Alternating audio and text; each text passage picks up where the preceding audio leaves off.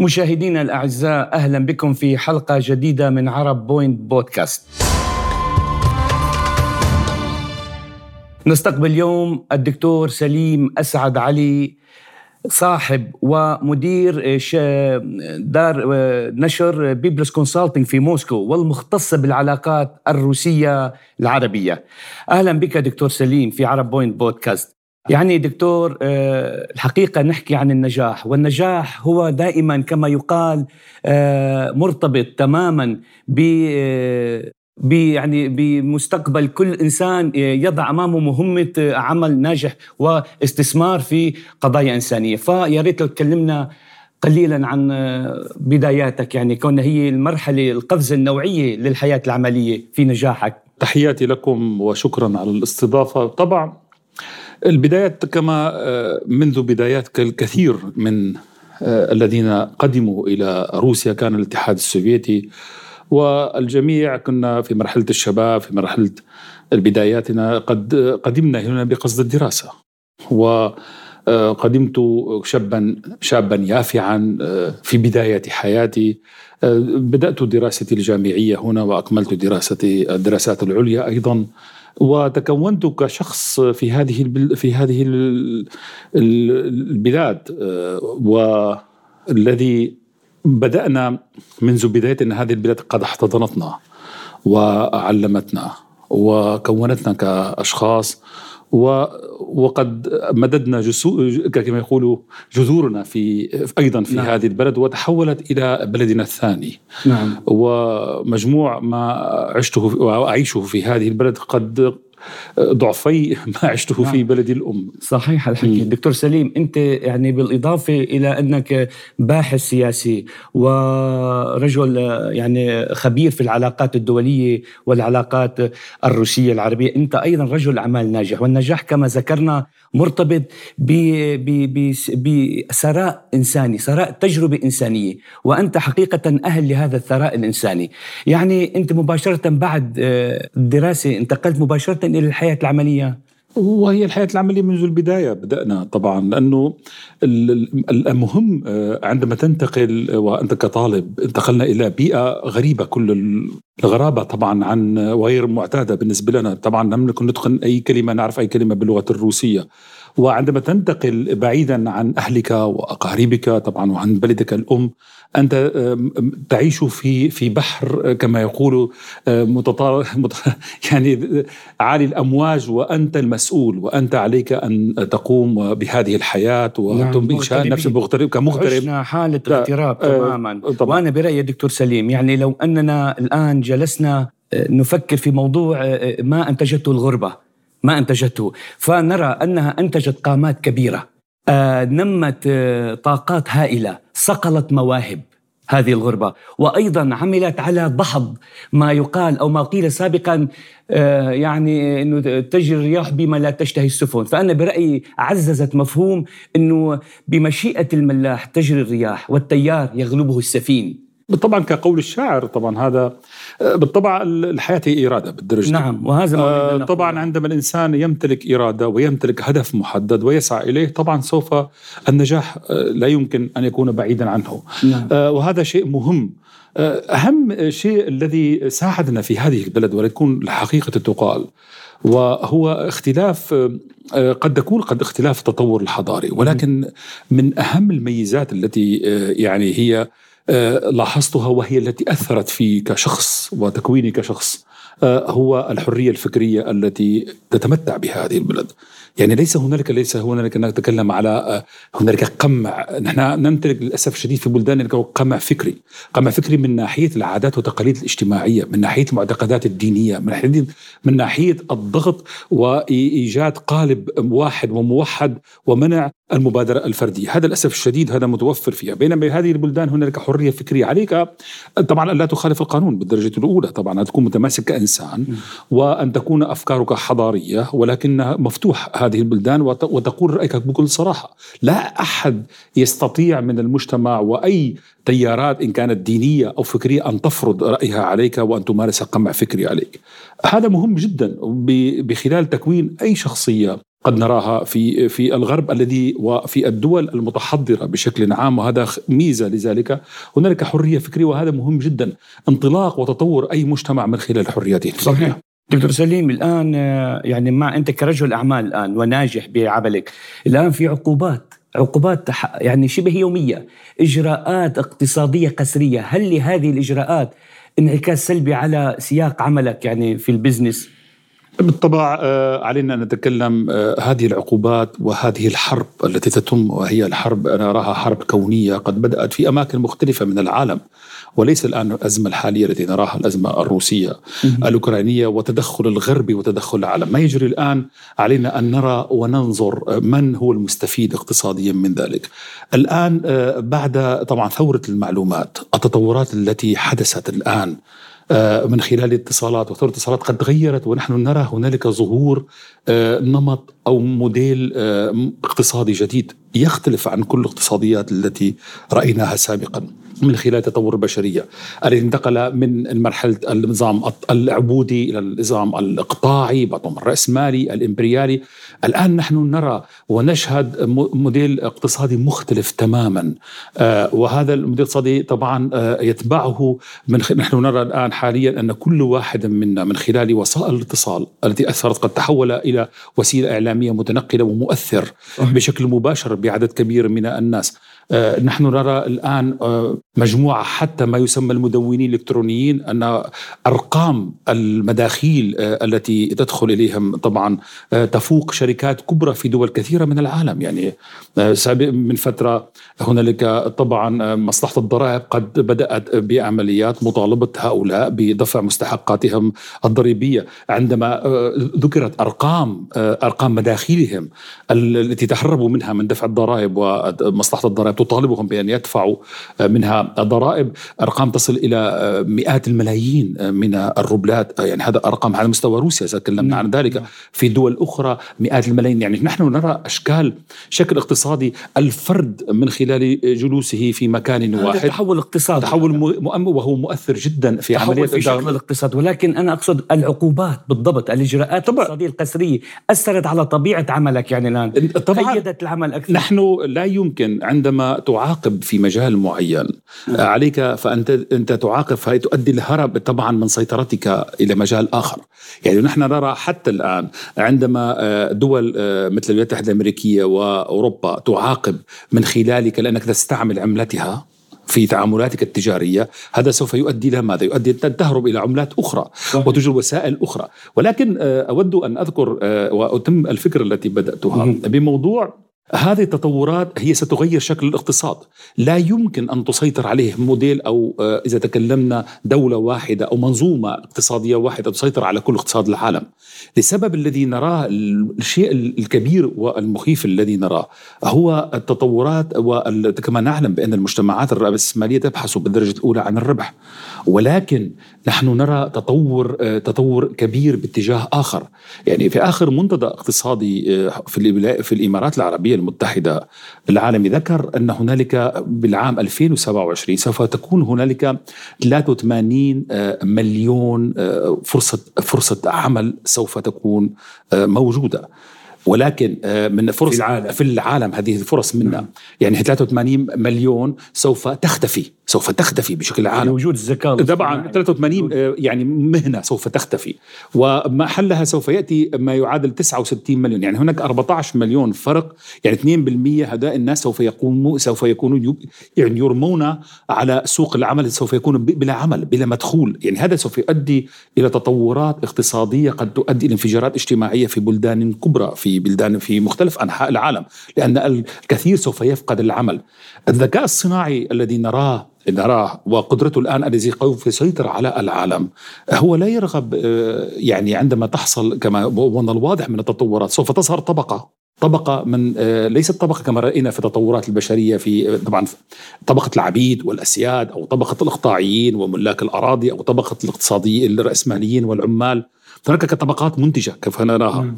الآن الطبقة هي طبقة التي ليس لها أي إنتاج أو ليست لها أي قيمة.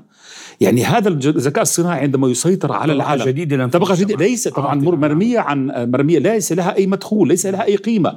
طبعا قيمة الإنسان من خلال العمل من خلال قدرته على الإنتاج. وعندما نرى هنالك عدد كبير من البشر وهذه الطبقة سوف تظهر هل نتوقع أن الذكاء الصناعي عندما يسيطر وكما نرى أنه سوف يسيطر على على شكل العالم وشكل العالم الاقتصادي إذا كما كما يحاولون الآن تقديمه واستثماره هذا الذكاء الصناعي قد يخرج بشكل رئيسي يخرج من السيطرة. وعندما يخرج من السيطرة هل سيرغب بإبقاء وإطعام آه، عاطلين عن العمل طبقة وجمهور العاطلين عن الطبع لا. يعني الذي نخاف منه أن كما أن الإنسان عندما استعمر هذه الكرة الأرضية ماذا فعل؟ قتل آه، وقتل الكثير من الأنماط الحياتية نباتية كانت نعم. أو حيوانية هل الذكاء الصناعي مستعد إبقاء هؤلاء على قيد الحياة أو سوف يستثمر بهم؟ هذا بضريبة الحضارة طبعا طبعا طبعا ضريبه الحضارة يعني الآن نحن أمام تغير قد يش... يؤدي إلى تغيير شكل الكرة الأرضية. حتى شكلنا ك... كناس. يعني قد نتحول إلى ما يسمى الجبريت قد تتحول النصف آليين. لأنه هنا الآن نحن نرى تطور علمي أن الإنسان قد يتحول ممكن تبديل أي عضو من أعضائه بكل بساطة كما نصلح سيارة. هذا للأسف. يعني هذا علينا أن ننظر لما إلى أين نحن قادمون؟ اذا ما العمل اذا؟ يعني ما هي الطرق التي آه، ممكن من خلالها أن أحصل على آه، يعني فعاليات ربحية سريعة؟ آه، موضوع الفعاليات الربحية السريعة الآن نحن طبعا أقصد أنه لهؤلاء الذين يمارسون ويزاولون العمل التجاري وعمل البزنس بشكل عام يعني نحن الآن علينا نكون في الفترة الحالية طبعا هناك تطور كبير انتقلنا وكما ترى الآن انتقلنا من إلى التجارة الإلكترونية يعني الآن آه، كما نرى التطور البشري التجارة الإلكترونية كل شيء الآن معروض في كل يعرض بضاعته في عن طريق الإنترنت. وهذا إذا كان الذي يرغب ب آه، بان آه، يحقق نجاحات اقتصادية أن يكون عن طريق الإنترنت ويكون فعال ومشارك الإنترنت. آه، قد نبتعد عن النمط التقليدي. الآن نبتعد الآن عن النمط التقليدي من خلال عرض المنتوجات نحن نرى غالبيتنا لا يذهب إلى مراكز التسوق بشكل بشكل فيزيائي وبشكل مباشر.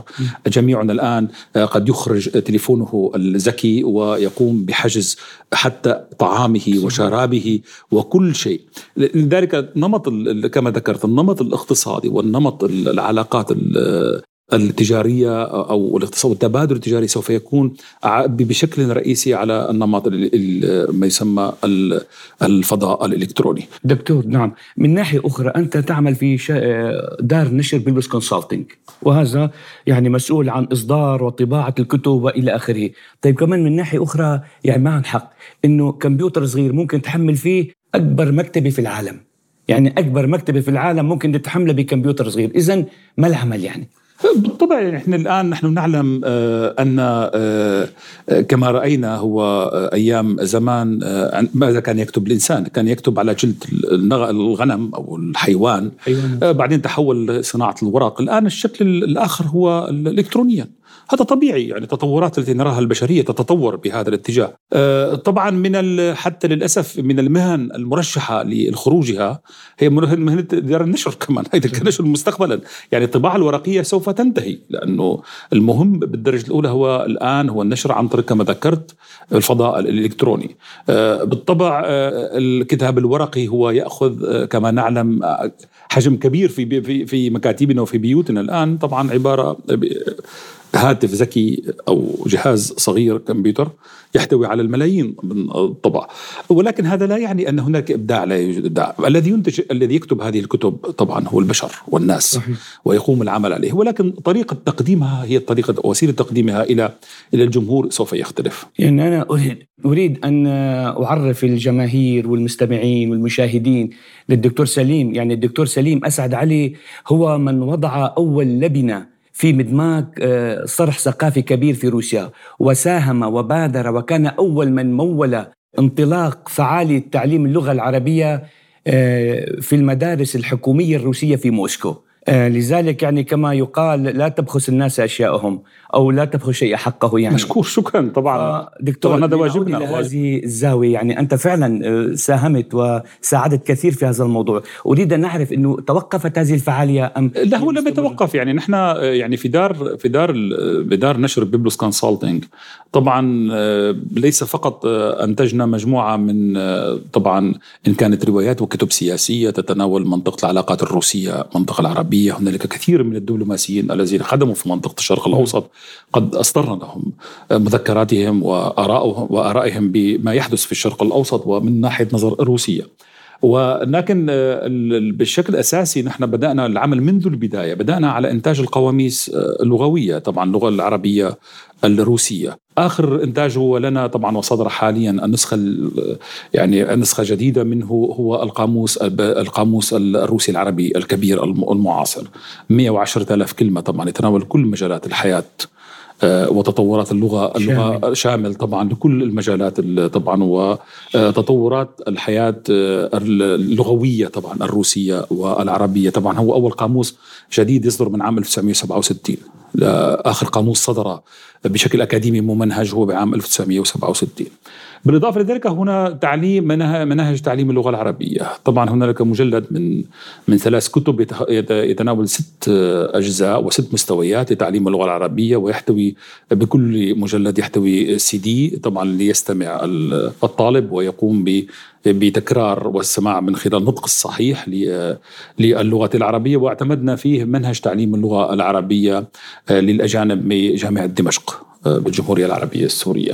هذا هو كانت البداية. بالإضافة آه، طبعا من خلال آه، لما عندما كان العمل للأسف ما حدث قبل عام 2000 قبل ما يسمى الربيع العربي كان هناك عمل عربي مشترك. من خلاله انطلقت آه، إدخال اللغة العربية ثلاث مدارس نعم. حكومية. نعم. من خلال اتفاق مع حكومة مدينة موسكو. ولكن الأزمة التي مرت فيها المنطقة وانعدام العالم العمل العربي المشترك قد أثر على هذه التجربة. ومع ذلك هنالك نشهد اهتمام كبير في تعليم اللغة. العربية. يعني من خلال نحن مبيعاتنا هنالك آه، بالدرجة الأولى تباع هذه آه، تدريس منهج تدريس اللغة العربية. هنالك إقبال شديد في إقبال, إقبال شديد آه، من من جمهور الطلبة الروس لتعلم اللغة العربية. هنالك وسائل أخرى للتعليم. الآن كما ذكرت أن تطور هنالك الكثير من خلال الاتصال وسائل الاتصال الاجتماعي من خلال الفيسبوك من خلال سكايب. يقوم بتلقي دروس اللغة العربية وهم في مجالسون في منازلهم ويعتمدون بشكل رئيسي كما لاحظت على هذا المنهج. نعم أنا برأيي بروسيا بشكل خاص نعم. وعندما أتكلم أنه روسيا ليست أوروبا بالتعامل مع اللغة العربية هنا في احترام للغة العربية وفي تقييم إيجابي. إذا ما قرناها بأوروبا مثلا هلأ في أوروبا الأوروبيون كيف يرون اللغة العربية؟ يرونها أنا أقول لك وبكل صدق يرونها إذا كانوا لا يجاملوننا. هي هي اللغة الأمينة على عقلية العصور الوسطى. يروها أنه هي الحامل التاريخي للفكر الإرهابي التكفيري. يروا اللغة العربية دائما هي بنية نحوية مغلقة معيقة آه، للعلم التجريبي. هذا شيء وهنا شيء آخر. هنا يتعلمون اللغة العربية من من من واقع من, من بكل مصداقية وثقة وتعامل إيجابي يتطلع إلى مستقبل أفضل. يعني أنا أنا طبعا لا أود أن أكون بشكل آه، يعني آه، كما يقول آه، يعني ناقد بشكل كبير حتى للحضارة الأوروبية أو طريقة الأوروبية، طبعا اوروبا لها فضل على الحضارة العالمية. للأسف نحن عندما تخلفنا الحضاري وعن الدول العالمية الأخرى، الدول الغربيه أو حتى الدول الشرقية كما نرى آه، هو أثر أنه اللغة العربية طبعا آه، قد توقفت وتجمدت في اطر معينة. ولكن نحن اللغة العربية عندما يكون تواصل ونرى هنالك تبادل اقتصادي ومصالح مشتركة مع منطقة ونرى هناك منطقه الشرق الأوسط هي منطقة واعدة مهما تكن يعني. منطقة مهمة جدا للاقتصاد العالمي من خلال غنيها ب وهي غنية جدا بالبترول و... و... ومستقات الطاقة طبعا مؤثرة في العالم. وهناك رغبة في تعلم اللغة العربية. كل له هدفه. ولكن الدافع الاقتصادي هو الذي يحرك كل الاهداف آه، عندما هنالك طبعا آه، فائدة من من هذا التعامل سوف يؤدي بطبيعة الحال إلى تقبل أي لغه البشرية عليها أن تخرج من إطار العنصرية أو آه، عنصرية وعدم وعدم تقبل الآخر أو شيطنة الآخر من أجل من أجل تبرير استعباده وسرقته واستعماره. على الأغلب أنه هذه التطورات سوف نراها ولكن أين سيصل العالم نحن لا نعلم طبعا. دكتور سليم في زاوية لابد من المرور إليها هي أنتم آه، تعملون في دار النشر على آه، طباعة وإصدار كتب للدبلوماسيين الروس الذين عملوا بالشرق الأوسط. يعني هل هي حالة فردية أم عامة بشكل عام كل الدبلوماسيون آه، يكتبون عن حياتهم هناك وأعمالهم إلى آخره؟ طبعا أنا لم أصدر فقط للذين عملوا سابقا والذين يعملون حاليا. هناك حتى سفراء الآن موجودين في ويخدمون في منطقة الشرق الأوسط. طبعا نحن تقبلنا منفتحين كلنا على كل الدراسات التي لدبلوماسينا الروس. وطبعا من خلال نشاطاتنا وعلاقاتنا معهم قد يعني كنا ذات مصداقية وكان عندهم رغبة في أن نصدر لهم طبعا ما أعمالهم. هي أعمال هي أعمال تكون أعمال أيضا تحليلية وهي مستقبلية ووجهة نظر مستقبلية. أحد الكتب يعني أنا أصدرناه يعني في بالعام 2009 لباحث مهم جدا والآن هو سفير أحد سفراء روسيا في في الشرق الأوسط وهو اختصاصي في السودان. قد كتب بشكل تنبأ ماذا السودان هو على مفترق طريق الحرب أو السلام. وتنبأ بأن ما حدث الآن ويحدث الآن في السودان وفي والأزمة السودانية. طبعا كتاب مهم وهو مرجع ليس مربوط تاريخيا في فترة معينة ولكنه الآن وجهة نظر معينة. أيضا هنالك كثير من الباحثين الذين كتبوا عن آرائهم بالربيع العربي وأزمة والأزمة الذي حدث في منطقة الشرق الأوسط. الذي كتب في الاستشراق و...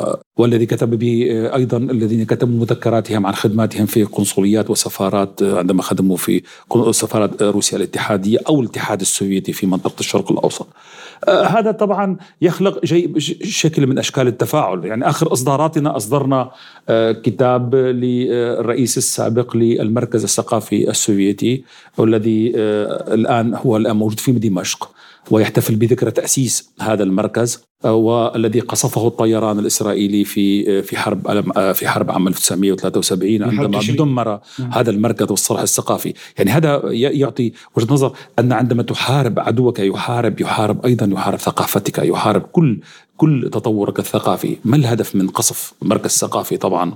وقتل هنالك واستشهد آه، عددا من الموظفين السوفيت في في هذه المنطقة وهم كانوا معلمين ومدرسين للغه الروسية في في في سوريا.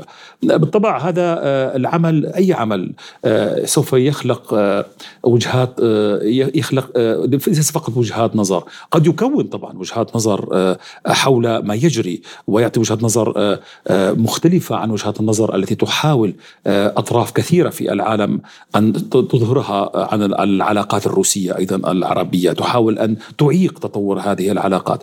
الهدف الذي وضعناه أمامنا هو آه، أن نكون أصدقاء منذ البداية، أن آه، تكون علاقات قائمة على الصداقة والاحترام المتبادل بين بين البلدان العربية بدون تفريق. بدون تفريق مع أنه أنا أصولي سوري ولكن أرغب جميع الدول وتعاملت بشكل آه، صدقا بشكل متساوي مع كل الدول العربية بأن تكون لها علاقات آه، جيدة مع مع مع الجانب الروسي. هذا الهدف الذي وضعناه ومن خلال نشاطاتنا طبعا ولكن هذا النشاط أتمنى أن يتحول إلى نشاط من خلال علاقات رسمية تتبناها جهات رسمية عربية وروسية لأنه سوف يكون طبعا هو أكثر عمقا وأكثر قدرة على التحرك من أجل تطوير هذه العلاقات إن شاء الله النجاح دائما برافقك دكتور وبرافق كل الشخصيات الإيجابية في المجتمع من أمثالك. الحديث لا يمل عن جد يعني ولكن الوقت أيضا له شكرا جزيلا لك ولك كل المحبة والاحترام. أهلا وسهلا بكم. شكرا لكم. مشاهدينا الأعزاء شكرا لمتابعتكم وشكرا للدكتور سليم أسعد علي لحضوره الطيب معنا. تابعونا دائما في Arab Point Podcast وفيسبوك ويوتيوب وتويتر. شكرا لكم.